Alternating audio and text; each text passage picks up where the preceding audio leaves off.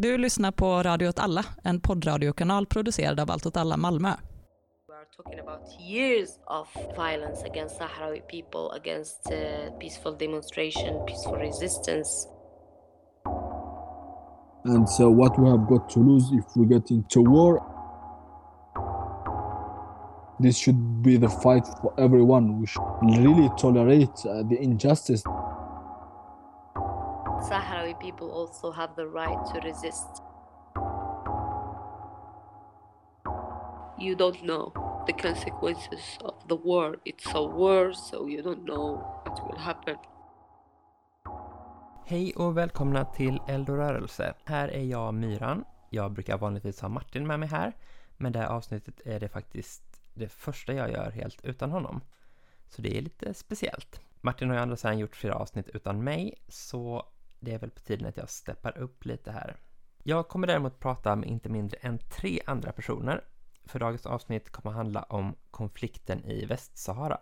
Det är ju en konflikt där det har rått vapenvila sedan eh, nästan 30 år tillbaka, men den 13 november i år så bröts den och det är återigen stridigheter mellan Marockos armé och befrielserörelsen Polisario.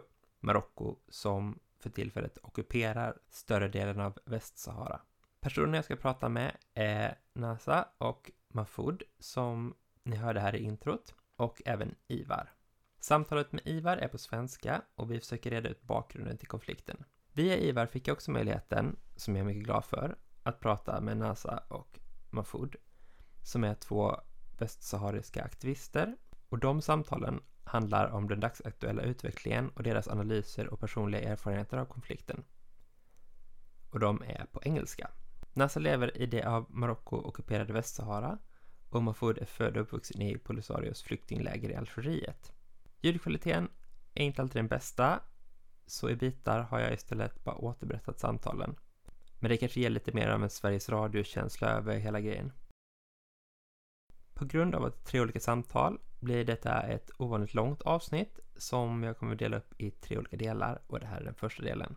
Jag hoppas ändå ni tar er tid att lyssna även på intervjuerna i del 2 och 3 då jag verkligen tycker det är starka vittnesmål som förtjänar att höras. Ja, och då har jag Ivar med mig här för att prata om Västsahara som är lite en Västsahara-expert i sammanhanget. Eller hur? Vad skulle du själv säga? Ja, hej Myren! Och tack eh, för att jag får vara här på er grymma podd och prata om eh, det här ämnet som ligger mig väldigt varmt om hjärtat. Ja, du är hjärtligt välkommen. Det är jättekul att ha dig med. Tack! Västsahara-konflikten, Västsahara överhuvudtaget är väl ett område som jag har följt och bevakat mer eller mindre under de senaste 10-11 åren. Och ehm, det är ju aktuellt just nu eftersom, eh, som vissa kanske vet, så har det brutit ut ett nytt krig där. Det har ju varit eh, en vapenvila i nästan 30 års tid nu. Så det är ju ett eh, lite historiskt läge nu när kanonerna återigen mullrar i Västsahara. Och ehm, jag skulle kunna säga så här att det som sker nu i Västsahara är en oerhörd tragedi. Det är jättesorgligt och den här tragedin har utspelat sig länge och uppbrottet från vapenvilan och återgången till krig, det är liksom det senaste kapitlet i den här tragiska historien. Ja, vi har ju pratat ett tag om att göra det här avsnittet. Det är väl jag som har varit dålig på att eh, få tummen ur liksom. Just för att jag vet att du har bra koll på ämnet och det är liksom något av en bortglömd konflikt och så som jag tyckte det var jätteroligt att få veta mer om och spela in ett avsnitt med. Men sen då när det här senaste skeendena skedde så kände vi verkligen att nu var det läge att göra avsnittet. Och särskilt eftersom jag vet att du har kontakter från Västsahara som kan berätta lite direkt kunskap om vad som har hänt så som inte behöver bli filtrerad genom olika nyhetsbyråer och sånt. Då. Men vi tänkte väl att vi skulle börja med att just gå tillbaka till det där bakgrunden i konflikten för att liksom lägga en grund för att kunna komma in på det dagsaktuella lite mer sen.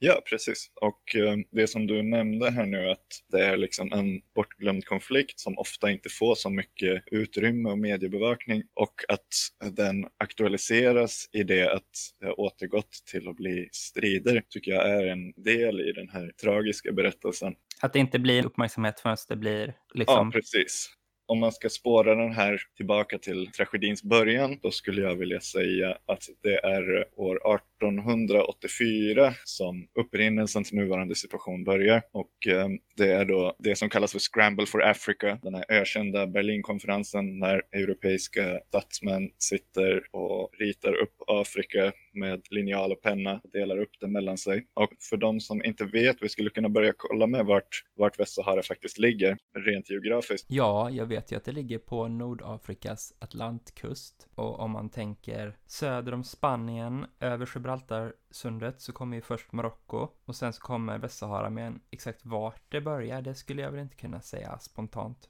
då kan vi gå ner till, de flesta kanske har koll på var Kanarieöarna ligger, som då tillhör Spanien och ligger utanför Västafrikas kust. Om man då går in till afrikanska fastlandet från där Kanarieöarna ligger, så ungefär där går det som är gränsen då mellan Västsahara och Marocko. Om man kollar då, flesta kartor, de har en sån streckad gräns mellan Västsahara och Marocko som det brukar vara när det är områden som är ockuperade men inte erkänt integrerade som en del i staten. Och om man ser då Västsaharas gräns har ju väldigt tydligt de här räta linjal linjerna. Och det är där i Berlinkonferensen som då alla de här olika stormakterna kommer och delar upp kontinenten. Och Spanien vid den här tiden är ju inte direkt en stor kolonialmakt som det var liksom på 1500-talet så. Men de kommer där och vill hugga åt sig en bit också av Afrika och menar då att ja, men det här fastlandet, den här lilla biten av Sahara som ligger vid Kanarieöarna, det vill vi göra anspråk på. För att de hade Kanarieöarna just? För att de hade Kanarieöarna. Sen har man också hänvisat tillbaka till ja, 1500-talet och liksom påstår att ja, men här vi hade conquistadorer som var här och satte upp någon liten koloni då och hade lite så olika argument. Men ja. den här delen av Afrika som Västsahara ligger i och likaså Mauritanien och eh, ytterst liksom västliga änden av Saharaöknen Sahelregionen. Det är ju ett av de sista områdena att faktiskt bli koloniserade i Afrika och det är ju vid den här tiden och som man kan se om man kollar på kartan liksom vad det är för geografiska förutsättningar här, så är det ju väldigt torrt och ogästvänligt klimat där eh, det är en ganska liten befolkning som till allra största del är liksom nomader och lever liksom självständiga liv i nomadiserande stammar och liksom har inte riktigt vid något tillfälle i historien varit under någon enskild statskontroll. Så de här eh, diplomaterna då på Berlinkonferensen, de kategoriserar det här området som eh, terra nullus, alltså vad ska man säga, oclaimet. Jungfruligt land på något sätt. Ja, ja, ja, men precis. Men jag måste bara fråga, mm. hur såg det ut med Marocko då? För alltså, det är väl det som ligger då som en ren landmässa mellan Spanien och eh, ja, Västsahara. Precis. Var det också en koloni eller blev det också uppdelat där? Nej, Marocko, jag ska lägga in den brasklappen att jag kan inte jättemycket om Marocko, men Marocko är i sig ett jätteintressant fascinerande land med en väldigt intressant historia också och sammansättning. Och just när det kommer till Marocko så är det ett litet eh, speciellt fall också när man kollar på Europas eh, kolonisering av Nordafrika och Västafrika. För att när det kommer till Marocko så tycker jag det blir lite svårt att dra en tydlig gräns mellan var den här medeltida liksom, konflikten mellan spanska och moriska eller liksom muslimska härskare på Iberiska halvön och liksom det som sedan fortsätter i konflikter på andra sidan Gibraltar, liksom, när den övergår från att vara en medeltida rivalitet mellan olika kungar i sådana här hästkrig som som Martin tycker är så himla tråkigt. Eh, och när det liksom övergår till att bli mer en, en fråga om kolonial dominans. Men ja. Marocko är ju speciellt i det att det, det, har ju en lång historia där marockanska sultanatet som det är vid den tiden vi pratar om nu, slutet av 1800-talet, det är ju på något sätt en statsbildning som är lite grann arvtagare till de här härskarna som en gång har i sin tur dominerat Iberiska halvön. Men vad är det rent formellt? Alltså, det är aldrig en del av Spanien? Nej, alltså det finns ju, alltså, det finns ju än idag spanska enklaver Ceuta och Melilla i norra Marocko. Och de har ju Spanien fått behålla lite grann, tolkar jag det som att det är ju med anledning av att de anspråken föregår kolonialismen på ett sätt. Ja. Utan det är ju erövringen som har gjorts i medeltid. Kan man säga. Ja. De är lika gamla besittningar som Spaniens besittningar på Kanarieöarna. Liksom. Ja. Och eh, tidvis så har ju Marocko också blomstrat och varit en regional stormakt. Min tolkning är väl lite grann att eh, sultanatet Marocko lyckades överleva och lyckades behålla och utveckla en kulturell särprägel som skiljer sig ganska mycket från övriga arabvärlden. Delvis tack vare att man navigerade ganska skickligt, kunde spela ut de två stormakterna Osmanska riket och Spanska imperiet mot varandra och behöll sin självständighet däremellan. För annars, om man ser på kartan över Medelhavet så ser man ju att Osmanska riket, de inlemmar ju större delen av Nordafrika under sig Ja. på sitt speciella sätt då med lydstatsförhållanden. Och i det att Marocko kan alliera sig med Spanien mot osmanerna när de börjar närma sig från öster och tvärtom kan vända sig till osmanerna när Spanien pressar Ja. på norrifrån så består det här sultanatet och den här statsbildningen genom tiderna och istället så när Marocko blomstrar så expanderar man söderut och det finns ju det här storhetstiden, Saadi-dynastin i Marocko på 1600-talet som breder ut sig över stora delar av det som är Västsahara idag, Mauretanien, Mali och är väldigt expansiv under en viss period. Men det är ju, det kommer vi kunna gå in på senare varför Ja. Varför det i sig inte är ett argument till varför de ska invadera och återerövra de här länderna idag. Men det finns ju från marockansk sida ett sånt argument, eller en sån historisk hävd. Ja. Det är ju som att säga att vi i Sverige skulle ha rätt att invadera Polen idag för att eh, Sverige hade besittningar där på 1600-talet. Ja, i alla fall när Västsahara koloniseras av Spanien då, senare kolonisationen inleds, så är ju Marocko kvar som eh, sultanat, men det är ju ett väldigt instabilt och fragmenterat samhälle som är fortfarande väldigt feudalt, där du har den här sultanen som kanske till största del har liksom en, vad ska man säga, symbolisk titel med inte jättemycket reell politisk makt utan den ligger i olika liksom, stammar och feodala stormän ute i landet. Och det här är ju någonting som utnyttjas av både Frankrike och Spanien. Och många kanske känner till det här att Marocko har ju tillhört Frankrike, eller varit en fransk koloni, ett franskt protektorat. Men också Spanien vid den tiden utnyttjade ju Marockos svaghet och hade själv protektorat i norra delen av Marocko och även i delar av det som idag då är södra Marocko, men som inte är Spaniens koloni i Västsahara, utan de hade ett protektorat som de kallade spanska södra Marocko. Men det här händer alltså senare. Ja, Spanien tar Västsahara först och senare så blir också delar av Marocko ett protektorat. ja, det kan man säga. Om man ser hur kartan ser ut då efter Berlinkonferensen så Frankrike har ju Algeriet och det har de haft sedan 1830-talet successivt vuxit sin franska koloni i Algeriet och man tar också då franska Västafrika där Mali, Mauritanien, Senegal den allra största delen av det här området blir liksom fransk. Och det är först senare som Marocko slutgiltigt förlorar sin självständighet till Frankrike. Men kartan som den ser ut ganska mycket då är ju att Västsahara är en liten spansk enklav inskuren i liksom en fransk eh, dominans över kontinenten. Okej. Men om vi återgår till koloniseringen av själva Västsahara då. Som sagt, vid den här tiden så Västsahara och Mauritanien, dagens Mauritanien, det är ju glesbefolkade, liten bofast befolkning och inte liksom vid den här tiden så mycket naturresurser som kolonisatörerna är intresserade av utan det är, det är mer liksom strategiska intressen av att, att ta kontroll här för att beskydda sina mer liksom, inkomstbringande kolonier i Senegal eller skydda Kanarieöarna och liksom lite sånt här. Det ska också sägas att den här befolkningen i Västsahara, saharavierna, till en början fortsätter ju leva ganska oberörda av Spaniens dominans som kanske då främst består i några mindre militärposteringar och byar längs med kusten. Och det ska dröja långt in på 1900-talet då Spanien tillsammans med Frankrike gör liksom en gemensam push för att faktiskt ta kontroll över det här territoriet som man är liksom tilldelad då på kartan. Så det är mer en formell kolonisering eller en formell dominans i början? Ja, precis. Och eh, ja, det är väldigt svårt att kontrollera det här stora liksom, territoriet och den här väldigt rörliga befolkningen. Förlåt, sa du det redan, men vad lever de här nomadiska stammarna av? Är det att man har djurhållning då, eller vad är det som är? Ja, men precis. Boskaps... Eh... Alltså herdeverksamhet, liksom. Man säger. Ja, men precis. Herde, eh, herdeverksamhet och liksom kameler är ju en väldigt viktig resurs för dem. Och sen har det ju liksom historiskt varit så att ska man bedriva handel över Sahara så har man ju varit beroende av de här nomaderna för att överhuvudtaget kunna korsa Saharaöknen. Ja, och det har förekommit eh, en hel del slavhandel genom historien också. Det har varit liksom en sån resurs typ som olika, olika makter har försökt eh, kontrollera här. Okay.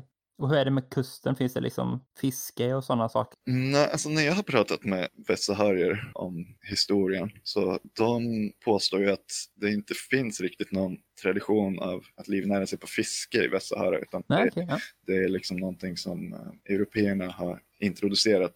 Så att Ja, säga. Och det, ja, det ska vi prata mer om sen för att uh, fisket är ju en jättestor viktig industri idag i Västsahara. Ja. Och det är ju liksom ett av de, den koloniala historiens tidiga skede här i Västsahara så är ju det liksom en resurs som Spanien identifierar för att just fiskevattnen här utanför Västsahara, jag vet inte, du som är ekolog kanske, kanske eh, för, har bättre förståelse för sånt här, men som jag har förstått så det är någonting med liksom hur eh, ökenvinden möter Atlantvinden och liksom bildar så jättegoda förutsättningar för fiske. Det är ju någonting som spanska fiskare har utnyttjat under hundratals år. Från Kanarieöarna så har man ju kunnat fånga jättemycket fisk där. Ja, eh, det skulle ju kunna vara någonting med det här med att eh, vinden från öknen för med sig näringsämnen ut som gödslar havet och ger mycket kanske alger då som är fiskmat. Ja, men jag vet faktiskt inte alls. Det är en, det är en chansning här. Men då har du berättat lite om förutsättningarna i Västsahara vid koloniseringen. Är det något annat perspektiv du skulle vilja lyfta?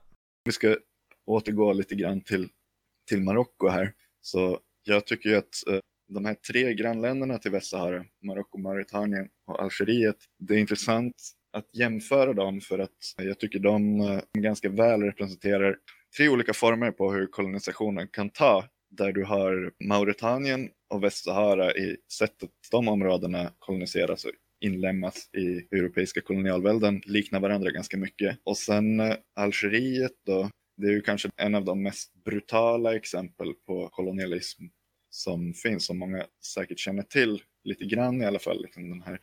Det är ju väl gestaltat kulturellt också så liksom att man känner till Ja, slaget om Alger och liksom som bara en skildring och så. Mm. precis. Så, och Algeriet som koloni har ju ganska mycket karaktären av en bosättarkoloni. Där går Frankrike in väldigt hårt och brutalt militärt och krossar de lokala maktstrukturerna, driver folk på flykten, terroriserar civilbefolkningen och liksom ersätter den med en eh, fransk bosättarbefolkning som blir liksom den lokala, lokala härskarklassen, vad man ska säga. Om man tänker på det som liksom södra Frankrike och så, liksom, det är ändå, Ja, ja, precis. nu är det här en del av vårt land, vi har verkligen erövrat och eh, Ja, ja, expanderat ut hit. ja visst. Så det är ju verkligen så Lebensraum Ja, ja. expansion. Typ. Och eh, om man jämför då med Marocko, hur Marocko koloniseras, så sker ju det på mer diplomatiskt sätt. Och att man kan se tydliga skillnader här i tillvägagångssätt mellan den här bosättarkolonin, Algeriet och Marocko som ett protektorat, hur det här går till. Och om man talar om kolonialismen som en ekonomisk struktur så är det ju ingen tvekan om att både Marocko och Algeriet utsätts för kolonialism från Frankrike. Det som till exempel då att liksom hela jordbruket och liksom samhällsekonomin ställs om för att väldigt instrumentuellt tjäna Frankrike. Och i Marocko så ja, man där tvingar man in lagändringar som gör att franska bolag kan börja köpa mark, strukturera om ekonomin. Så i Algeriet gör man ju samma sak fast där gör man ju det med våld. Liksom vanligt,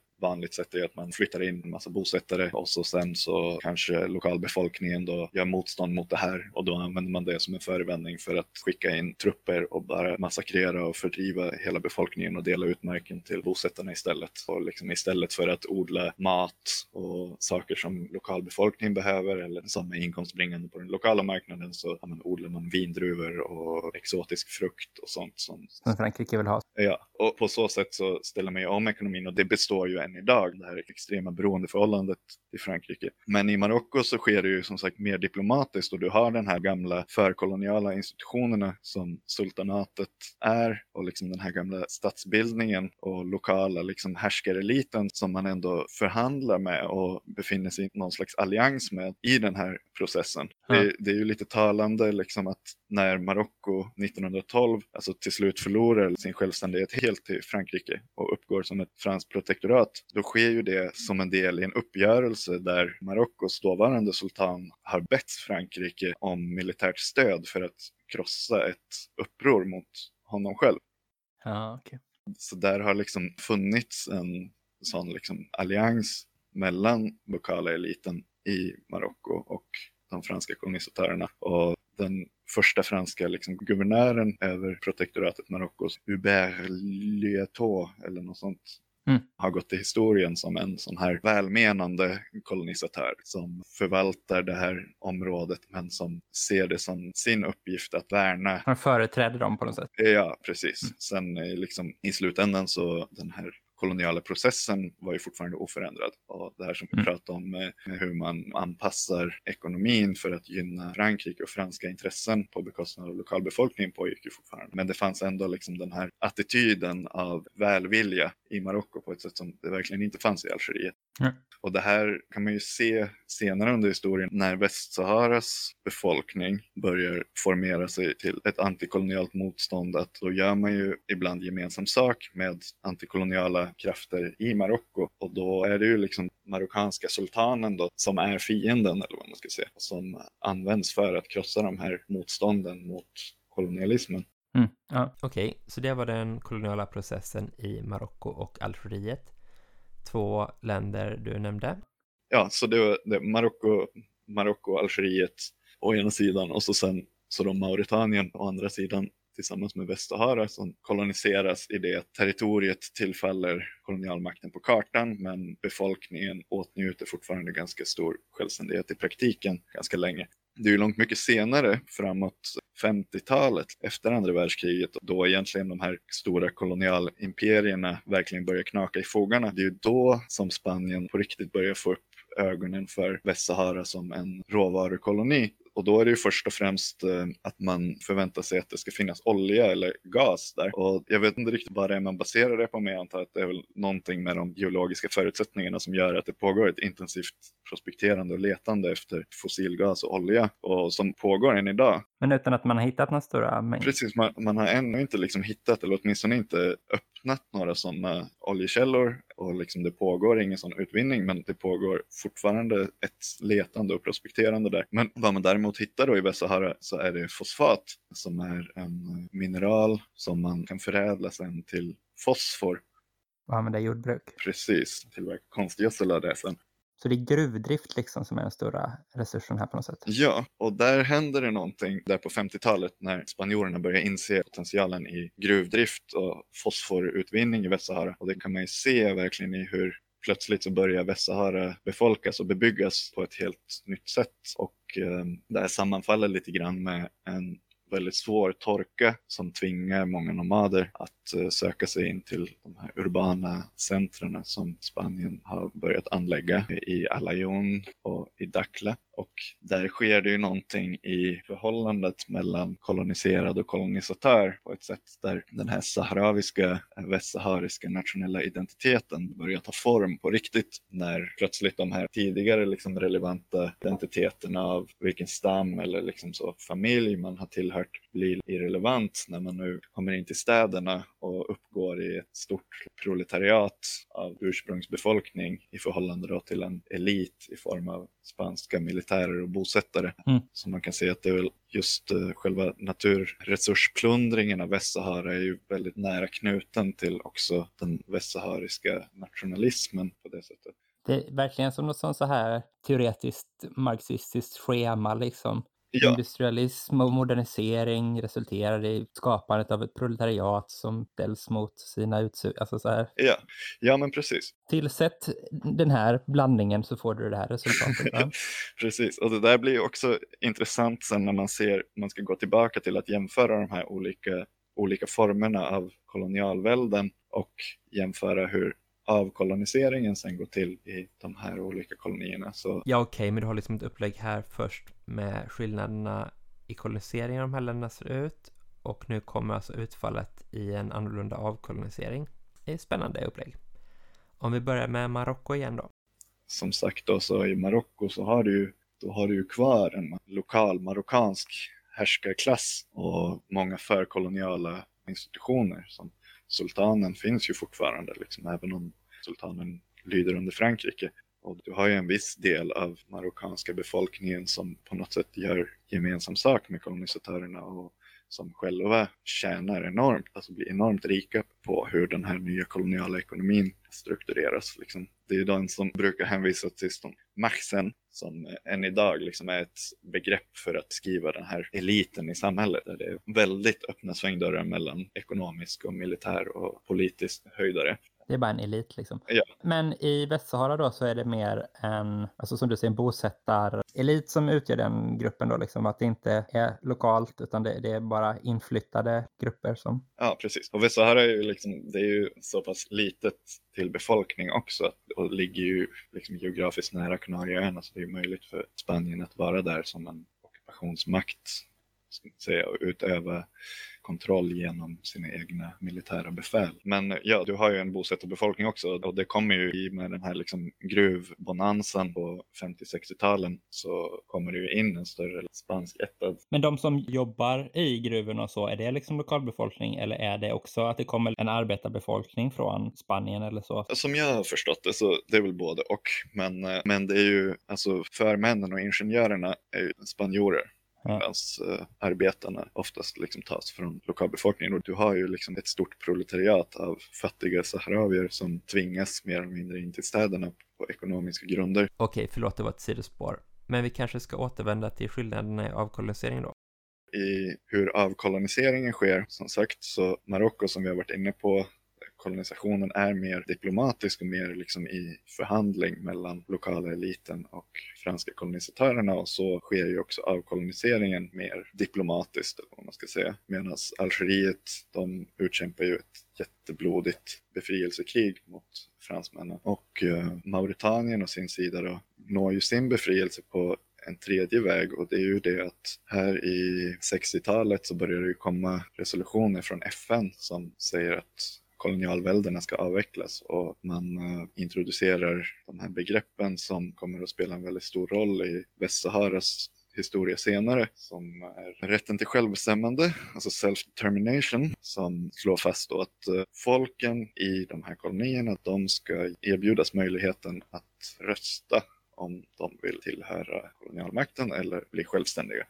Det finns eh, något annat begrepp som heter non-self-governing territory, alltså Eh, självbestämmande territorium som då syftar på de här områdena som är kolonier. Liksom det är eller så, FNs term för vad som räknas till de här koloniala territorierna som ska ges rätten till självbestämmande. Och eh, Mauritanien är ju ett exempel på där den här processen är den som leder till självständighet. Mauritanien blir det sista landet i franska Västafrika som når självständighet och då sker det då som det typiskt gör i, i form av att eh, man lägger fram ett förslag för en konstitution för hur ett självständigt Mauritanien ska utformas och så sen så ordnar man en folkomröstning då, där befolkningen kan rösta ja till den eller nej till den, vilket innebär då att fortsätta vara en del av det franska riket och behåller liksom den franska koloniala administrationen. Och det röstar man nej till en gång 1956 och sen så kommer det upp en ny folkomröstning 1960 och då röstar Mauritanien för självständighet som sista land i franska Västafrika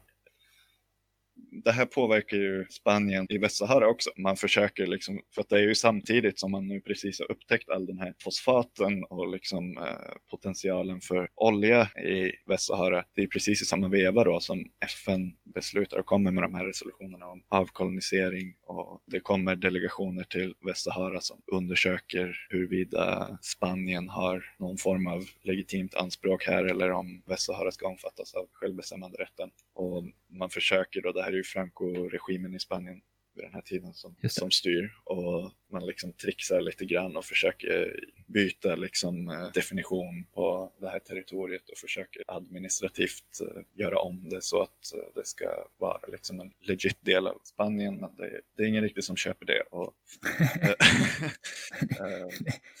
svår grej att liksom bara lura fram att ja. ska missa det här liksom. Ja, precis. De här raka linjerna på kartan och eh, det här med att det ligger på en annan kontinent och så. Det är ja. svårt att smyga under bordet.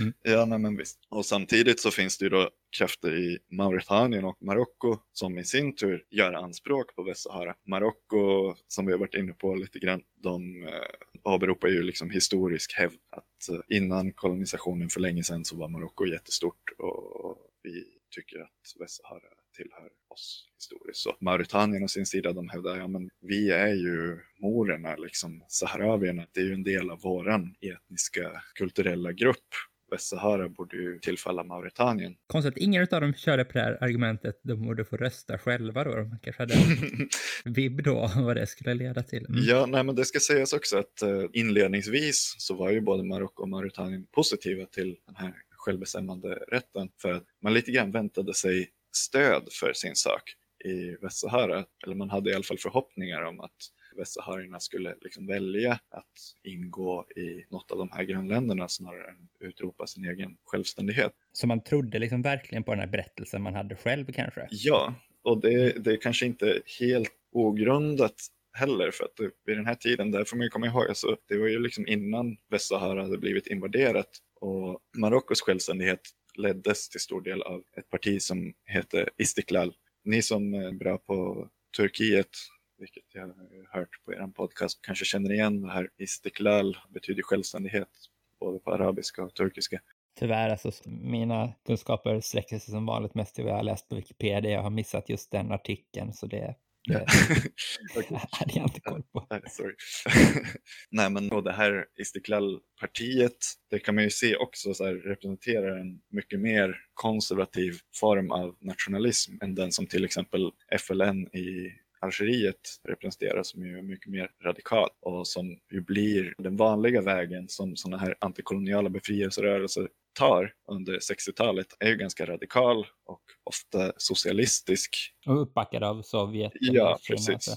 Ja. Men och det spårade du också då till deras respektive historia då, att Frankrikes behandling av Algeriet har radikaliserat rörelsen där på något sätt? Eller hur, hur ska man tänka? Ja, precis. Att där har du ju inte samma den här gamla förkoloniala institutionerna och eh, härskarklassen utan där har ju den nationella identiteten mycket mer formats liksom som en klassidentitet i relation till kolonisatörerna. Medan eh, marockanska Istiklal, de har ju en linje av att visserligen de är ju mot den här franska och spanska utländska dominansen, men de är ju dels tydliga med att de är royalister. Och att eh, de, ah. eh, de menar ju då att eh, det är liksom återupprättelse av det här fornstora marockanska sultanatet som är deras mål. Marocko ska ju sägas också, det är ju ett väldigt intressant och liksom multikulturellt land. Det är liksom arabland som är minst arabiskt, eller vad man ska säga, sett till ja. liksom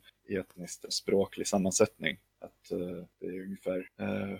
Den här berbiska befolkningen då? Ja, ja precis. Ja. Att om man väger samman liksom de olika språkgrupperna som talas i Marocko så är ju kanske 40 procent som man kan räkna är marockanskt arabisktalande. Sen har du liksom berber och sahrawier som talar ett språk som är ganska skilt från marockanska arabiska, vilket är jätteintressant.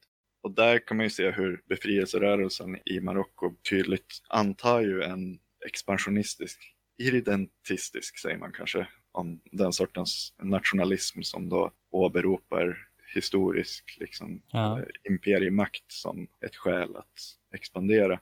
Det påminner också lite om Turkiet tycker jag, alltså det ottomanska. Liksom. Ja, precis. Så, alltså, och ifall man tänker på Erdogan nu, liksom att de vill ha stor Turkiet igen på någon sån liksom, historisk grund av hur stort Ottomanska riket var och så. Ja, nej men visst. Så är det ju. Och det finns väl kanske andra, Italien är väl kanske det mest klassiska exemplet på en sån liksom, expansionism-idé ja. i sin nationalism. Och sen finns det ju vid den här tiden också den här idén om panarabism som uh, Gamal Abdel Nasser i Egypten står för. Där är ju den marockanska Istiklal-rörelsen, de är ju liksom uttryckligen mot den tanken på panarabism, utan där pratar man ju istället om en pan-marockanism. Ska säga. Och då har man ju liksom en idé av att Marocko ska expandera ut, liksom svälja Västsahara, svälja Mauritanien, svälja i princip halva Mali, halva Algeriet och liksom det är så tiden efter kolonisationen ska bli. Och där har du ju, så här, i Mauritanien till exempel så finns det ju en liten, men åtminstone finns ju liksom ett visst så stöd också därifrån för den idén att det, ja, det finns politiska krafter i Mauritanien som tycker att man ska integreras med Marocko. Det är möjligt att det har funnits liksom sådana strömningar i Västsahara också vid den tiden. Men så som historien sen spelas, spelas ut så ja, kommer det ju verkligen inte att bli så. Och det här liksom eventuella då västsahariska stödet för, för att uppgå i Marocko, det försvinner ju helt och hållet när Marocko sen invaderar Västsahara. Mm, för nu är vi någonstans på 60-talet va? Och kolonialismen pikar från Spaniens sida vi har den här förhistorien nu, börjar vi då närma oss att Polisario grundas, eller hur ser det ut? Eh, ja, eh, och det tycker jag också är en viktig poäng att göra här. Polisario grundas 1973. Och Polisario, det är liksom en akronym som står för Folkfronten för eh, befrielsen av Saguier el Hamra och Rio del Oro som är alltså den spanska liksom, administrationens namn för de här två provinserna som utgör Västsahara. Och de bildas 1973 och med det uttalade målet att befria Västsahara från Spanien. Just det.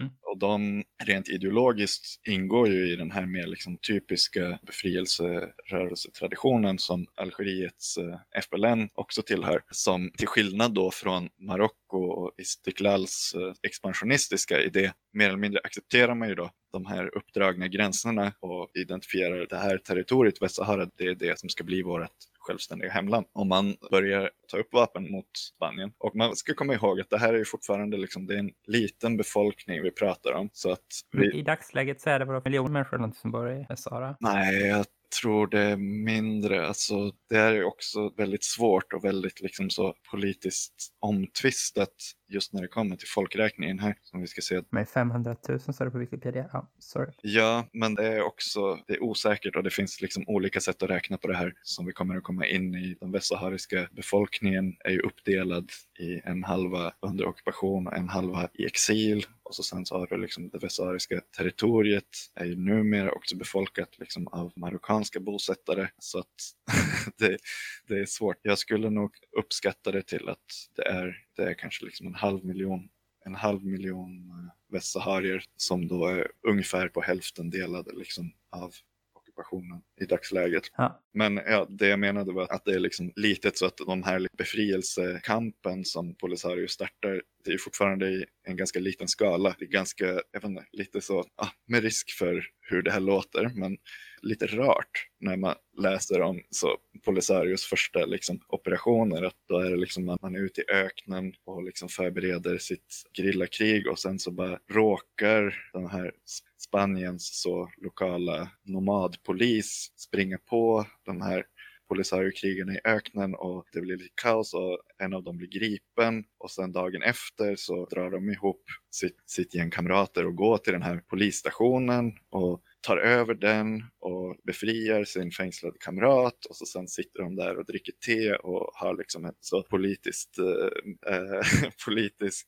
diskussion och liksom så föreläsning för de här nomadpoliserna och det slutar med att de skiljs och önskar varandra lycka till. Typ, och så. Som man önskade vore i alla befrielser. ja, kamper. Och eh, det här är ju liksom i ett skede då FN har varit väldigt tydliga med att hallå Spanien, Franco, ni måste arrangera en folkomröstning för västsaharierna. Ni är liksom tvungna till det. Spanien är väl liksom motvilligt bara, men okej okay då. och liksom börja göra vissa förberedelser för det här och börja liksom sätta ihop embryot till vad som skulle kunna bli en lokal lagstiftande församling, parlament i Västsahara och man börjar också liksom lobba lite grann, bildar ett så pro-spanskt parti som man tänker ska kunna ställa upp och kampanja i den här folkomröstningen. Liksom. Men eh, samtidigt då så har Marocko och Mauritanien lagt fram sina anspråk på Västsahara i FN. Och eh, det här, det är någonting som, jag vet inte om det finns något annat exempel i historien på det här, men det är i alla fall väldigt ovanligt att FN överhuvudtaget lyssnar, eh, lyssnar på det här. För att så som avkoloniseringen av Afrika har gått till, till stor del har man ju accepterat att de här koloniala gränserna från 1800-talet mer eller mindre har fått bestå. Att det, det råder liksom ett konsensus mellan de här nyligen självständiga staterna att vi måste bara acceptera och förhålla oss till att det är de här gränserna vi har att spela med. För att om vi ska börja liksom åberopa den förkoloniala historien och säga ja, den här kungen eh, fanns här och styrde över ett sånt här land och den här stammen hade De här gränserna, de här områdena de använde och så. Ja, Mm. nej, visst. Det hade blivit ett krig i all evighet som aldrig hade tagit slut. Så det här liksom marockanska ambitionerna går ju på tvärs emot det konsensuset om man säger så. Och FN skickar faktiskt en liten delegation för att undersöka och gå till botten med det här som Marocko hävdar då att Västsahara tillhör Marocko liksom, av historisk hävd. Och kommer fram till att nej, det, de anspråken kan ni inte göra. Liksom. Och då plötsligt, nu är vi framme liksom i 1974, liksom, då blir ju Marocko plötsligt väldigt fientligt inställd till hela idén om Västsaharas självbestämmande och försöker liksom förhindra att den här folkomröstningen sker. Alltså även mot Spanien då liksom. Ja, ja, visst. Det är bättre att det är en del av Spanien fortsatt än att det blir självständigt. Ja, för att från Franco-regimens sida, då har man ju på ett sätt lite grann accepterat nederlag här. Man kommer att behöva åtminstone erbjuda den här folkomröstningen. Men det som sker då är att Marocko, Spanien och Mauritanien sätter sig och har sin egna lilla Berlinkonferens och kommer överens om man skriver under något som kallas för Madridfördraget. Det är i princip att Spanien säger okej, Marocko, ni får gå in och annektera norra två tredjedelen av Västsahara. Mauritanien får ta den södra tredjedelen av Västsahara och vad Spanien ska få i utbyte då är att eh, man får en tredjedel av alla intäkter från fosfatindustrin. Och så har det varit ända fram till år 2000, har jag för mig, så var 30 procent av aktierna i Marockos statliga fosfatbolag i Västsahara Oj. tillhörde Spanien. Rent så bara, Ja, vi köper det här liksom och det ja, är vi helt öppna med. Ja, precis. Det här är ju också ett skede där Franco-regimen är liksom inne på sina sista dagar. Franco ligger i princip på dödsbädden medan den här överenskommelsen sluts. Och då efter det här så går Marocko och Mauritanien gemensamt in och invaderar Västsahara. Och eh, det finns ju liksom berättelser av då hur spanska befäl på marken i Västsahara, de ser ju det här och ser vilket stort svek det är mot västsaharierna. Och det sista de gör innan de packar ihop och drar därifrån är att man tar kontakt med Polisario och ger dem nycklarna till ammunitionsförråden. ja okej. Men Marcos invasion då? Hur gick den till? Det här är något som Marocko, som Marocko kallar för den gröna marschen. Ja, jag läste lite om det. Jag fattar inte riktigt. De, det är som massa civila som man använder som någon sköld För att Ja, inte bli stoppade av spanska soldater när man ska liksom ja, erövra Västsahara. ja, nej, Det men, måste vara en helt unik militär operation. ja, nej, men det, den gröna marschen, det är ju lite grann av ett, eh, alltså mest av ett propagandastunt så. Och det är ju en del i den här backdoor-politiken med Spanien. Att eh, Marockos kung då, efter självständighet från Frankrike så har titeln sultan övergått till titel kung. Och eh, om sultanen var mer liksom en symbolisk titel, så kungatiteln kommer med ganska mycket liksom politisk makt knuten till den. Men eh, Marockos kung vid den här tiden har ju liksom trummat upp den här idén om gröna marschen och som de säger liksom återerövrandet av Västsahara och har liksom utlyst den här gröna marschen att eh, vi ska samla hundratusen marockaner och vi ska marschera över gränsen, liksom, ta tillbaka. man liksom samlar ihop massa frivilliga civila i södra Marocko och börjar mobilisera för den här marschen. Och så sen det som sker är ju att eh, marockanska militären går in och börjar beskjuta lite spanska posteringar och så, sen så, så går man några kilometer in över gränsen till Västsahara med den här civila folkmassan. Men det är, alltså det är ju, den delen är ju mest liksom ett stunt.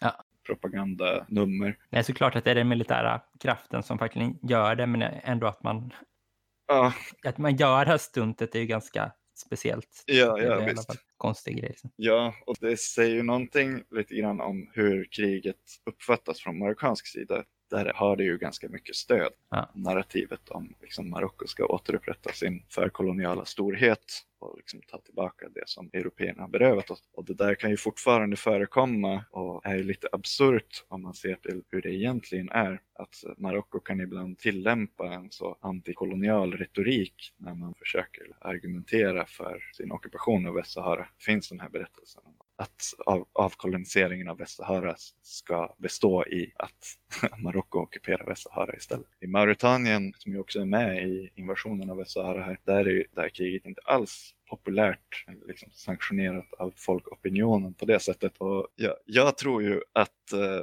Västsahara, om inte Marocko och liksom den här invasionen hade avbrutit den här självständighetsprocessen som ändå var på gång i Västsahara så tror jag att Mauritanien är nog det liksom exempel på avkoloniseringsprocess som kunnat bli istället. Och Mauritanien vid den här tiden har ju bara varit självständigt i 15 år och är liksom svagt och fragmenterat och eh, kriget är inte alls populärt. Och den mauritanska armén, alltså om vi åter kollar på kartan här och liksom ser vilket stort territorium Mauritanien är. Så att försvara hela det territoriet ska då en armé på drygt 2000 man göra. Oj, okej. Och så ska de dessutom då erövra Precis, Västsahara. ska de dessutom ockupera Västsahara. Och det går ju på röven för Mauritanien i det här kriget. Polisario-gerillan bara i rena antal soldater är ju större än hela Mauritaniens armé. Så Mauritanien förlorar ju stort mot Polisario och Polisario lyckas ju nå huvudstaden och belägra den. Alltså Mauritaniens huvudstad? Ja, Okej. så de blir ju helt besegrade tidigt där i kriget. Och det är Marocko och Frankrike som får liksom rycka in och rädda Mauritanien. Och i samband med det här nederlaget så störtas eh, regeringen i Mauritanien i en kupp och den kuppmakarna då lovar att dra sig ur det här kriget. Och det är ju någonting som välkomnas av befolkningen där. Så redan 1979 så drar sig Mauritanien ut och Polisario och Mauritanien har sedan dess haft ganska goda relationer. Så de erkänner liksom då Västsahara som självständig stat efter det? Ja, jag är inte ex- exakt säker på turerna kring det där när erkännandet kommer. Men ja, absolut. De flesta afrikanska länder erkänner Västsahara och erkänner liksom Polisarios utropade självständighet över Västsahara. Okej. Och Mauritanien drar tillbaka de här anspråken de har haft på Västsahara där 1979 och Marocko genast tar över dem och gör anspråk på hela Västsahara. Och sen eh, utspelas då ett gerillakrig här i Västsahara mellan Polisario och Marocko. Och eh, ja, som en del i invasionen så drivs ju många västsaharier på flykten. Alltså bara första året så flyr 50 000 västsaharier och de flyr över till Algeriet. Algeriet ganska, ganska snabbt eh, ställer ju sig på västsahariernas sida för att som en del i den här marockanska expansionen så ingår ju delar av Algeriet. Men även som du har beskrivit, man kan väl se det då en liksom ideologisk ändå befrielserörelse, likhet då med hur, Ja, hur det verkar vara uppbyggt så liksom i Polisario också liksom att det påminner om Algeriets frihetskamp och så, så det är väl en naturlig då. ja, ja nej men verkligen, det är ju verkligen min analys också. Alltså det är din analys, jag har ju ingen egen analys, jag bara drar slutsatsen av vad du har sagt förut. Ja, ja men vad bra. Då, lyckades jag framföra den poängen. i alla fall.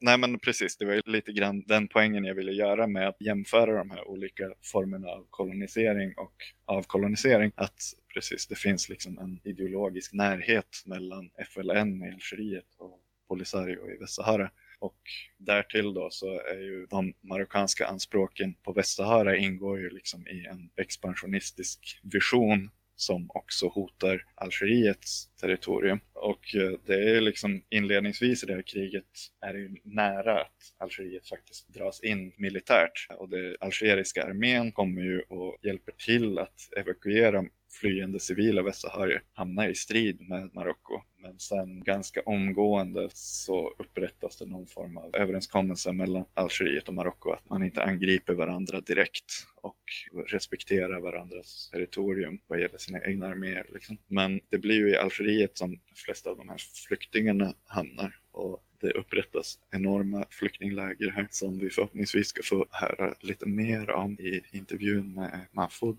Men eh, under det här kriget så det är över 100 000 västsaharier som flyr och hamnar i exil där. Och såklart som det brukar vara i sådana här situationer så det är ingen som flyr hals över huvud och tänker att man aldrig mer ska få komma tillbaka utan man tänker att man flyr undan de striderna som pågår och sen ska man snart kunna återvända. Och nu har man ju levt där i 45 år och det ska sägas att det här är ju Saharaöknens liksom inland och det är ju så extremt ogästvänligt bo där. Det går ju inte att försörja liksom en befolkning på hundratusentals personer utan att liksom ha dem helt beroende av nödhjälp utifrån. Det finns ju inga möjligheter att odla någonting där. Det finns, det finns inget vatten, överhuvudtaget ingen infrastruktur. Allt sånt är tvunget att byggas upp så vad det blir här är att de här flyktinglägren, det blir ju som Polisarios bas. Polisario utropar självständighet för Västsahara, Saharaviska Arabiska Demokratiska Republiken, som brukar förkortas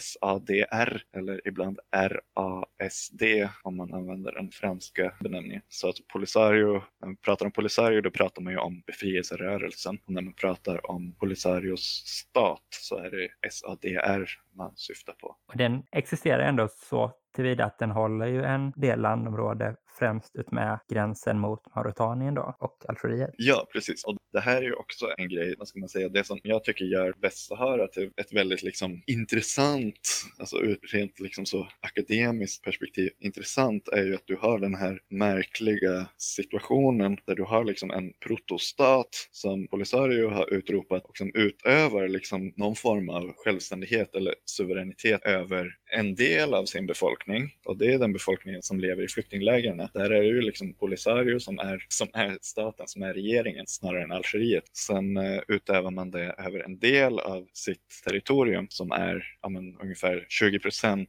av Västsaharas territorium. Så ungefär 20 procent av det har Polisario kontroll över, som det som brukar kallas befriat område i Västsahara i motsats till ockuperat område som är övriga procenten. Men just den här 20 procent som är inlandet, det har ju liksom ingen bofast befolkning riktigt. För det är bara öken? Liksom. Ja, det är bara öken och dessutom så är det ju bestrött med landminor som en rest från det här kriget som pågick efter Marockos invasion och som är en del av hur det blev det här lite grann dödläget mellan Marocko och Polisario till slut. Eh, för att marockanerna inser ju ganska snart att det är jättesvårt att kriga mot Polisario-grillan i öknen och det är jättesvårt att ha liksom, kontroll över det här gigantiska området. Att, alltså Västsahara till ytan är ju, är ju ungefär lika stort som halva Sverige och väldigt, väldigt glest, väldigt eh, men, stora liksom, områden som saknar vägar.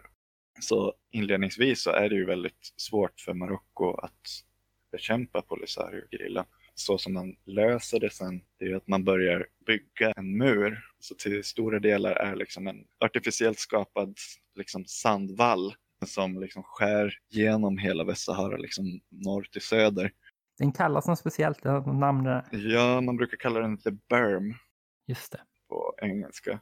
Ja, och den delar ju upp landet och det blir ju den som blir liksom de facto gränsen mellan marockansk ockuperat Västsahara och Polisario kontrollerat Västsahara. Och en del i, i den här liksom the berm är ju alla de här landminorna som har lagt ut för att helt enkelt hålla gerillan ute från att kunna ta sig över och operera inne i, inne i det ockuperade Västsahara. Men alltså bor det inga människor i? Jo, men det är, alltså det är försumbart.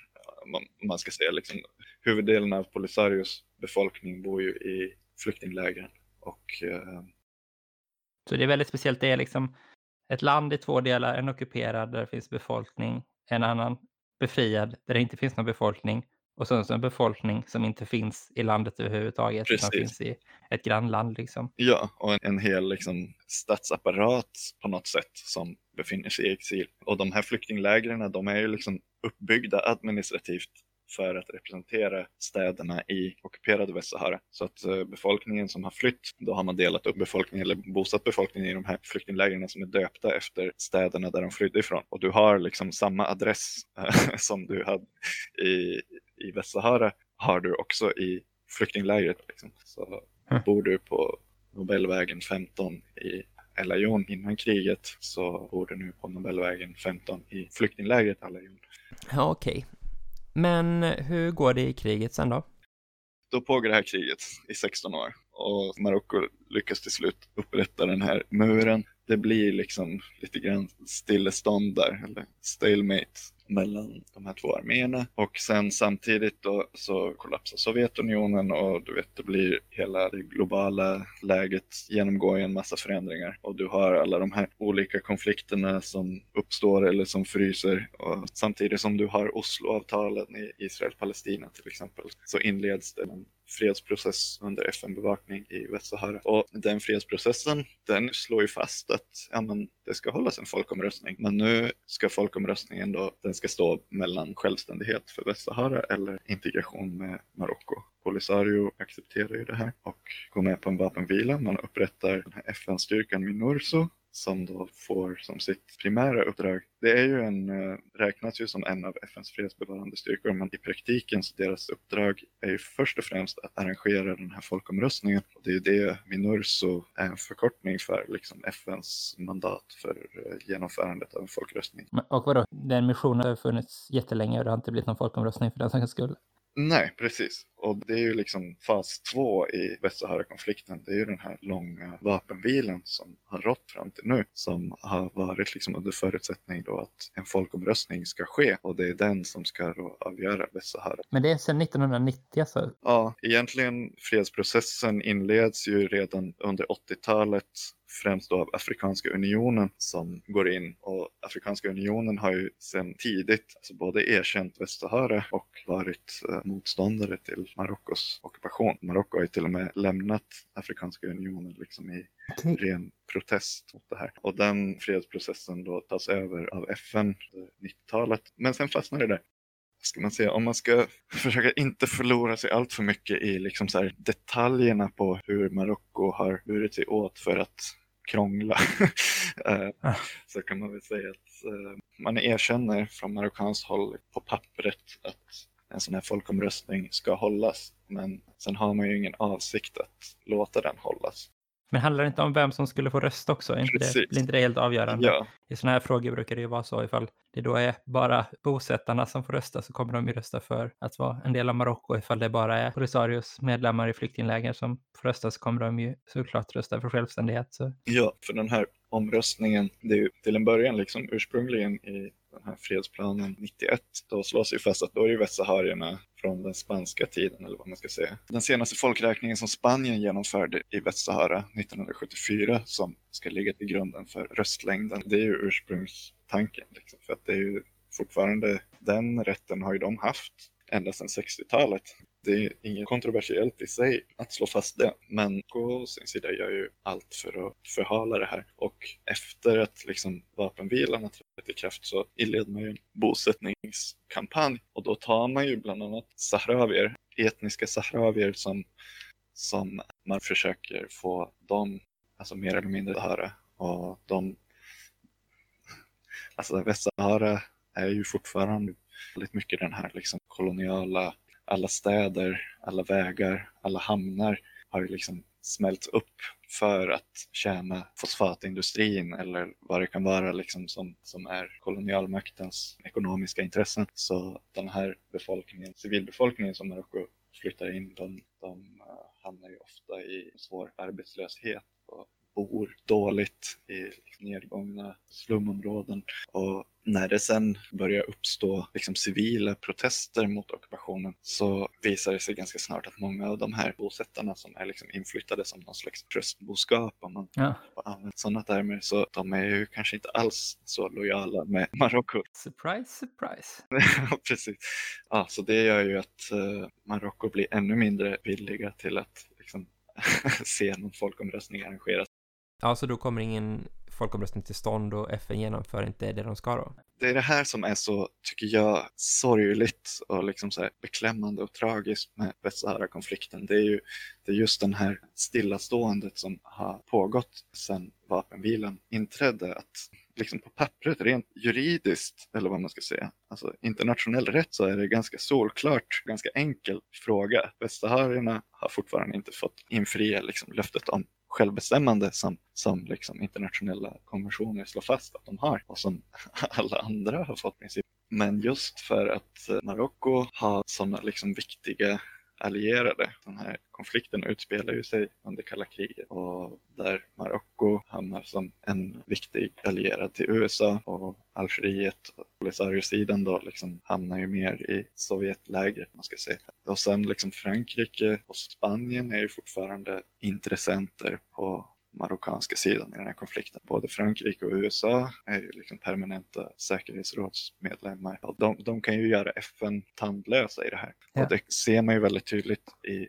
till exempel Minurso-styrkan som inte har riktigt någon fredsbevarande kapacitet. De räknas som en fredsbevarande styrka men om man tänker på FN fredsbevarande trupper i den bemärkelsen att man liksom ser sådana här vitmålade tanks och liksom soldater med blåa hjälmar så det är ju inte så Minurso ser ut utan det är liksom 250 man som har några jeepar som de kan köra runt och patrullera med. Det är mer observatörer? Ja, men de är ju inte heller observatörer i det att det är det enda FN-mandat eller enda sån här liksom fredsbevarande truppen där det inte ingår i deras uppdragsbeskrivning att övervaka och förhindra människorättsförbrytelser. Så att marockanska ockupationsmakten har ju fria händer att utöva liksom stenhård kontroll över befolkningen i de ockuperade områdena. Men finns den här FN-styrkan både i, eller den finns bara i den ockuperade delen av nej, Västsahara? Nej, den finns både. De har dels en bas där i liksom befriat territorium. Sen har de sitt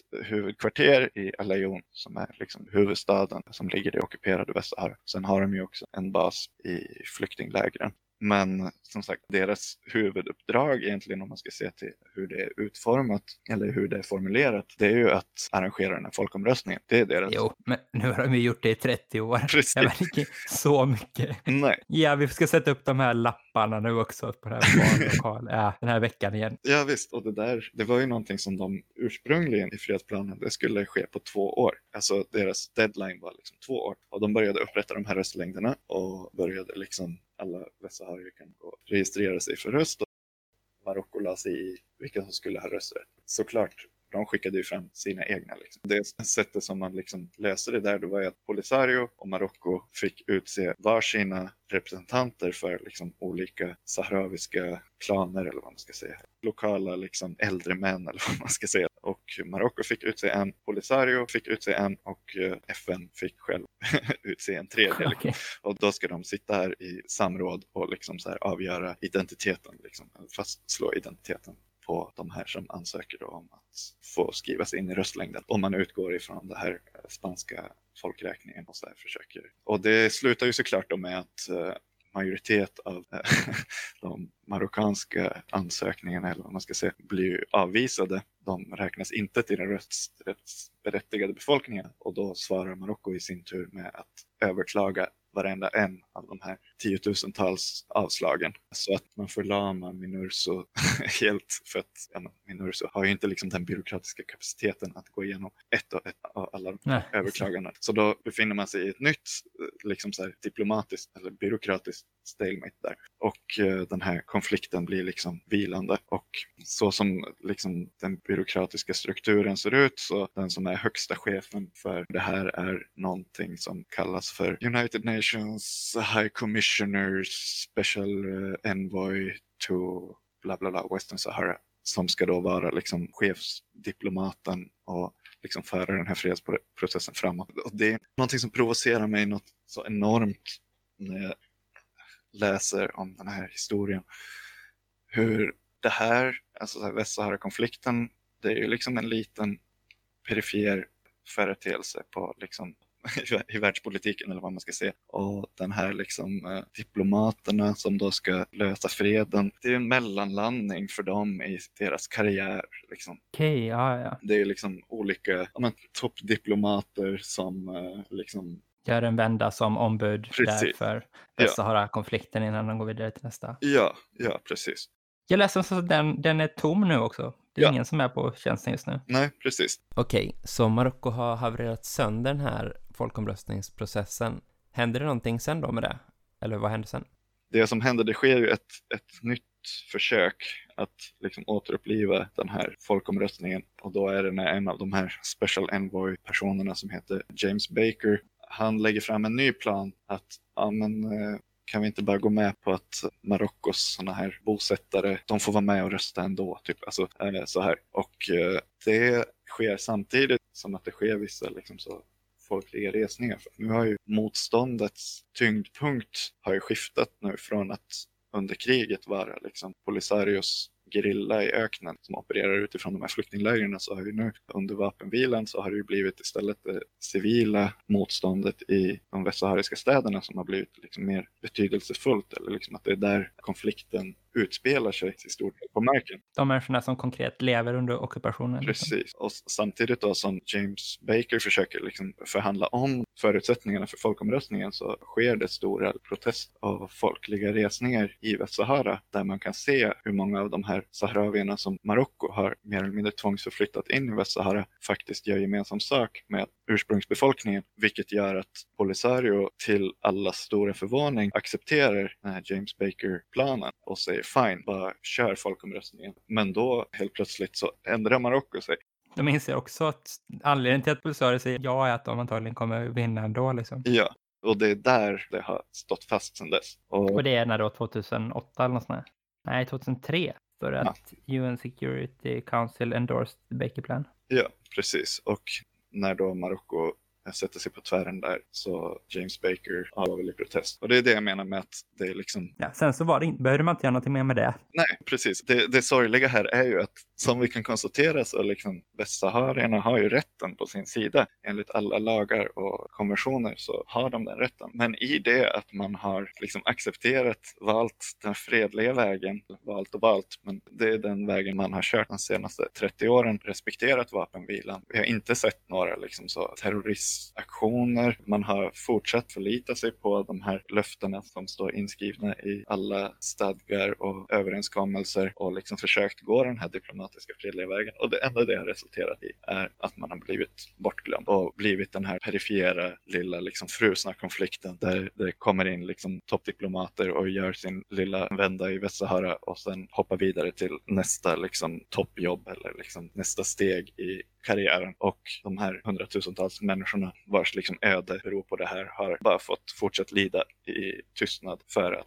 Det känns ju nästan då som att man skulle kunna dra någon sorts slutsats om att så här liberala rättigheter i det globala systemet inte smäller lika högt som materiella intressen från... Nej, jag vet inte, jag bara... Jag får spekulera helt fritt. det, är precis, det är precis den slutsats man skulle dra. Och man skulle ju också, vilket många har gjort under 30 års tid, kunna påpeka det att men det här är ju som att ni säger rakt ut att det enda sättet att nå framgång i den här kampen, oavsett hur mycket ni har lagen på er sida, är att använda, att använda våld. Liksom. Ja. Att uh, spela enligt reglerna och uh, vara liksom fredliga och följsamma och liksom respektera fredsprocessen och vapenvilan. Det leder inte till någonting man får väl också tänka sig att det inte är bara på grund av sin extremt goda karaktär då man har valt det här att gå med på FNs process, utan för att man också inte hade ett så bra läge att fortsätta driva väpnad kamp mot Marocko. Liksom, att man nej, inte har de resurserna att, att vara framgångsrik i det. Nej men visst, för så är det ju. Så är det ju absolut. Sen finns det ju liksom från västsahariskt håll och i synnerhet i flyktinglägren så har det ju vuxit en frustration som man ja. såklart kan förstå liksom, eh, under alla de här åren som ingenting har hänt. Och det finns ju liksom en berättelse eller en föreställning om att Polisario var framgångsrika och hade liksom goda förutsättningar att segra militärt men att man gav upp av någon slags liksom, välvilja. Eller så här. Att den berättelsen finns där och så här, det är ju inte min plats att liksom säga om, säga om det är rätt eller fel. Men alltså, även ifall man säger att man hade kunnat nått framgång med den vägen, Ja. då får man väl ändå konstatera att det hade varit väldigt utdraget och svårt då antagligen, just eftersom man inte har den militära kraften som Marocko har. Sådana här upprorskamper kan ju vara framgångsrika trots att de är väldigt underlägsna materiellt och så. Det har vi sett Ja. många exempel på annars och så. Och vi har ju pratat om det i podden och liksom vilka förutsättningar det är. Där en är också stöd utifrån och så, men då kanske Algeriet hade kunnat spela den rollen och så. Men hade västsaharierna varit militärt överlägsna, Mm. då hade de väl mycket större sannolikhet att de hade valt den militära konflikten att fortsätta på. Liksom. Ja, precis. För, att, eh, för det har ju varit Polisarios eh, rävsax nu. Att eh, man har liksom satsat på att det här diplomatiska vägen ändå är det säkraste kortet att gå på. Man vill ju inte gå tillbaka till krig. Det är ju ingen som vill det. Och det har ju, liksom, och det har ju alltså, i synnerhet Polisario påpekat länge att liksom, vi vill inte gå tillbaka till krig. Men om inte vi erbjuds någon annan väg framåt så till slut kommer ju frustrationen här att bli för stor. Vi kan inte, man har ju från Polisarios liksom, regeringshåll blivit tvungen att liksom, gå emot sin egen befolkning och liksom, ja, men, på något sätt tvinga den här pissiga freden på, eh, på de här eh, människorna i flyktinglägren. Ja, men så bekämpa upproret helt enkelt, att man blir den som polisar sin egen befolkning. Ja, Det är ju ett, väl också ett återkommande fenomen i sådana här situationer. ja, precis. Det ser man ju i ja, men, Palestina också.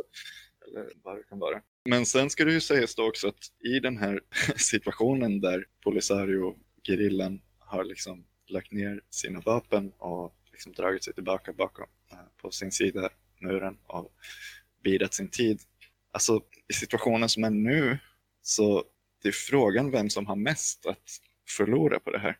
För att en återgång till status quo, det är någonting som Marocko har varit de som har tjänat på under de här senaste 30 åren.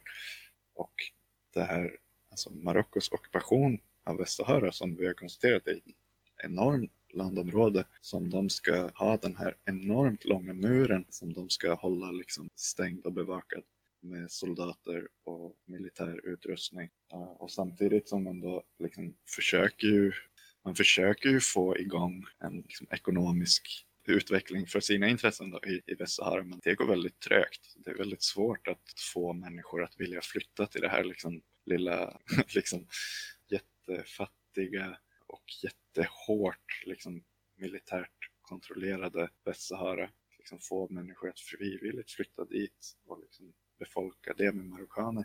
Det är inte jättelätt om man liksom lägger enormt mycket pengar på subventioner. Lite grann som Israels bosättarpolitik på Västbanken har sett ut. Att man har liksom erbjudit vissa perks till människor att flytta dit. Är man statsanställd i Marocko så om man tar uppdrag i Västsahara så får man typ dubbelt så mycket eller tre gånger så mycket lön som Okej, eh, ja. i Marocko proper. Och likadant liksom så företag som etablerar sig där kan ju få jättemycket eh, skattelättnader och de som bor där, de får ju liksom subventionerat bränsle, liksom bensin och liksom, man vräker verkligen enorma summor pengar på att kontrollera Västsahara samtidigt som att då du har den här jättestora liksom militär och polisapparaten som måste vara igång där. Om man ser hur det är i ockuperat område så den här polisiära och militära närvaron är verkligen överallt. Och filmer på hur liksom, demonstrationer brukar eh, gå till i Västsahara, då är det ju oftast liksom ett litet liksom så, dussintal demonstranter som, som går ut och viftar flaggor och skriker slagord. Och så sen har du fyra gånger så många kravallpoliser Ja. de, som kommer och jagar bort dem. Och alltså, det, det går verkligen inte att inte se det eller inte märka det om man är där. När man ska resa in i, från Marocko till Västsahara så passerar du jättemånga vägspärrar. Och det är, liksom, det är verkligen ett område under ockupation på alla sätt. Och att liksom den här Marockos förhoppning av att det ska ske någon slags integration organiskt liksom, av Marocko och de ockuperade områdena framstår inte som jätteframgångsrik. Och då ifall det skulle bli då en mer öppen konflikt igen så kanske det är för kostsamt för Marocko att upprätthålla det här, Ja, kan man tänka sig. precis. Man kan tänka sig. Man kan spekulera i alla fall. Men å andra sidan då, det finns ju den här too big to fail tendensen också. Har man investerat väldigt mycket i någonting så är det på något sätt ett argument för att fortsätta göra det. Ja. Det- Men sen så, även om man säger att eh, Polisarios strategi att liksom följa fredsplanen så har varit misslyckad i 30 år, så behöver inte det heller betyda att den är förgäves. För jag menar, i en situation där konflikten blossar upp igen så borde det ju vara någon sorts, internationella samfundet borde kanske på något sätt utgå från att, att man har försökt i 30 år nu. Då. Liksom man kan inte riktigt fördöma att man släpper den hållningen eftersom den inte har betalat av sig i 30 år. Så det kanske kan bli ett större stöd för Ja. Polisarios sida i en väpnad konflikt tack vare att de har gjort de här diplomatiska försöken så himla länge utan att få något liksom. Kan man också bara spekulera i, men jag menar det, Ja. det behöver säkert inte ha varit förgäves per definition heller. Liksom. Nej, nej, precis. Och det hoppas jag ju verkligen och tycker ju verkligen att de förtjänar, de förtjänar vårt stöd med anledning av det, bland annat. Som sagt, det är jätte, jättesorgligt och tragiskt att det har kommit till den här punkten. Men alltså de, de som är skyldiga, eller vad ska man säga, i den här situationen är ju, tycker jag, alla de här statsmännen och diplomaterna och liksom FNs säkerhetsråd som har sett det här och kunnat räkna ut med röven att det skulle bli så här. Men man har liksom låtit det bero för att det är, det är för tyst. ja. och, det, och det tycker jag också man kan se just från marockanska ockupationsmaktens sida hur just den här tystnaden och bortglömdheten har ju verkligen utnyttjats och använts som en strategi för att upprätthålla ockupationen. Anledningen till att Västsahara-konflikten upplevs som bortglömd och inte förekommer så ofta i media, det är ju också ett resultat av en väldigt effektiv informationsblockad som Marocko har upprättat över Västsahara. Där det går ju inte att få tillträde till Västsahara som journalist om du ansöker om journalistvisum för att du ska göra reportage i Västsahara kommer du ju inte få det. Och det förekommer ju titt som tätt, liksom kommer ju upp i svenska nyheter, liksom hur någon riksdagspolitiker eller någon journalist eller någon människorättsförsvarare eller så från Sverige har blivit nekad tillträde till Västsahara eller blivit gripen och utkastad ur Västsahara. Liksom. Så när jag var i Västsahara så var det ju som, jag kunde ju inte visa mig ute på stan. När jag skulle förflytta mig mellan olika personers hem så var jag tvungen liksom att kura ihop i bakluckan. För att eh, så fort de upptäcker att det finns liksom internationella ögon på plats så har ju Marockos standardförfarande varit att då sätter man ut ett par civilpoliser på dygnet runt bevakar de här och ganska ogenerat har ett par poliser som, ja, som skuggar en, Mm. sitter på motorcykel och liksom bara noterar vart man går, vad man gör, vem man träffar. Och ofta så händer det ju ingenting värre än just för utlänningen att man blir tagen till ett förhör och så sen så blir man eskorterad ut ur Västsahara eller kanske till och med får sitt visum indraget och blir stämplad som persona non grata. Men det är väldigt sällan man utsätts för något direkt våld. Så. Men det våldet det drabbar ju istället västsaharier som har haft modet att tala med den här utlänningen. Ja. Och den erfarenheten för mig har gjort också. Det blir liksom väldigt personligt när man inser vilken risk människor har tagit bara i det att träffa mig eller Ja. välkomna mig och tala fritt om sin pissiga situation under ockupation och liksom inse vilken, vilken risk och liksom vilken total rättslöshet de är utsatta för. Ytterligare ett av många skäl till varför jag tycker att Västsaharas folk förtjänar all vår stöd och solidaritet i, nu mer än någonsin. Ja, och det kanske vi också då kan återvända till i de här intervjuerna. Vad det är för stöd och solidaritet man kan ägna sig åt. Ja, nu har vi pratat på ganska länge och jag tror vi har en ganska bra bakgrund till konflikten här. Men är det något du känner att du skulle ta upp här nu innan vi slutar? Ja, det som jag tänker jag skulle vilja nämna någonting om är det här eh, frågan om naturresurserna. Vi har varit inne på eh, kolonisationen av Västsahara liksom, och vad jag menar när jag pratar om koloniala mönstren handlar ju främst om den ekonomiska strukturen och hur Västsahara fortsätter användas som en sån råvarukoloni där hela samhället, hela apparaten och den ekonomiska strukturen är liksom så tydligt byggd för råvaruplundring. Och det fortsätter ju pågå med fosfatet och med fisket som vi pratade om lite grann i början, men som, som har blivit mer och mer viktigt. Framför allt, sorgligt nog, som ett resultat av att fisken håller på att ta slut globalt och att Västsaharas kust idag är ett av världens bästa fiskevatten. Och det kommer ju bara att öka i betydelse ju mer fisken utrotas på andra hav. Ja. Och idag är det ju överlägset den fiskrikaste vattnen i Afrika. Och både som vi varit inne på med fosfaten, så vad fosfat används till som resurs är ju att tillverka konstgödsel för att odla mat Ja. på annat håll. Och den här fisken som dras upp i Västsahara, där det också har liksom en väldigt, väldigt tydlig sån här kolonial struktur där typ 80% 90% av själva liksom råvaruutvinningen, det vill säga liksom fisken ur havet plockas upp ur Västsahara men sen motsatt siffra i nästa steg liksom i förädlingsprocessen Ja. så ligger de industrierna som sen förädlar fisken till eh, fiskmjöl och fiskolja som för det främst används till ligger i Marocko och sen det i sin tur exporteras då till andra länder som har stor djuruppfödning där fiskmjölen används som djurfoder för att liksom förädlas ytterligare ett steg till att bli Ja.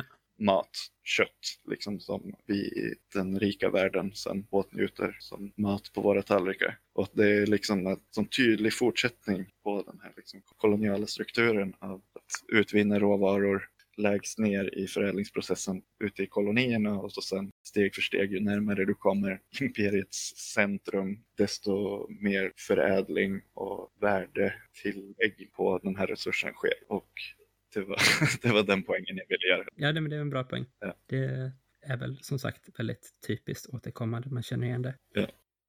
Ja, jag vet inte hur jag ska avsluta det här riktigt nu. Nej. Vi får se lite vad vi gör med det här materialet nu, exakt hur vi binder ihop det med eventuella intervjuer och så. Men oavsett hur det blir så vill jag ändå säga tack så hemskt mycket för att du tog dig tid att berätta. Ja, men tack själv Miriam. Det var ett stort nöje. Trots tragedin som föranledde samtalet så tyckte jag väldigt mycket om det. Vad bra.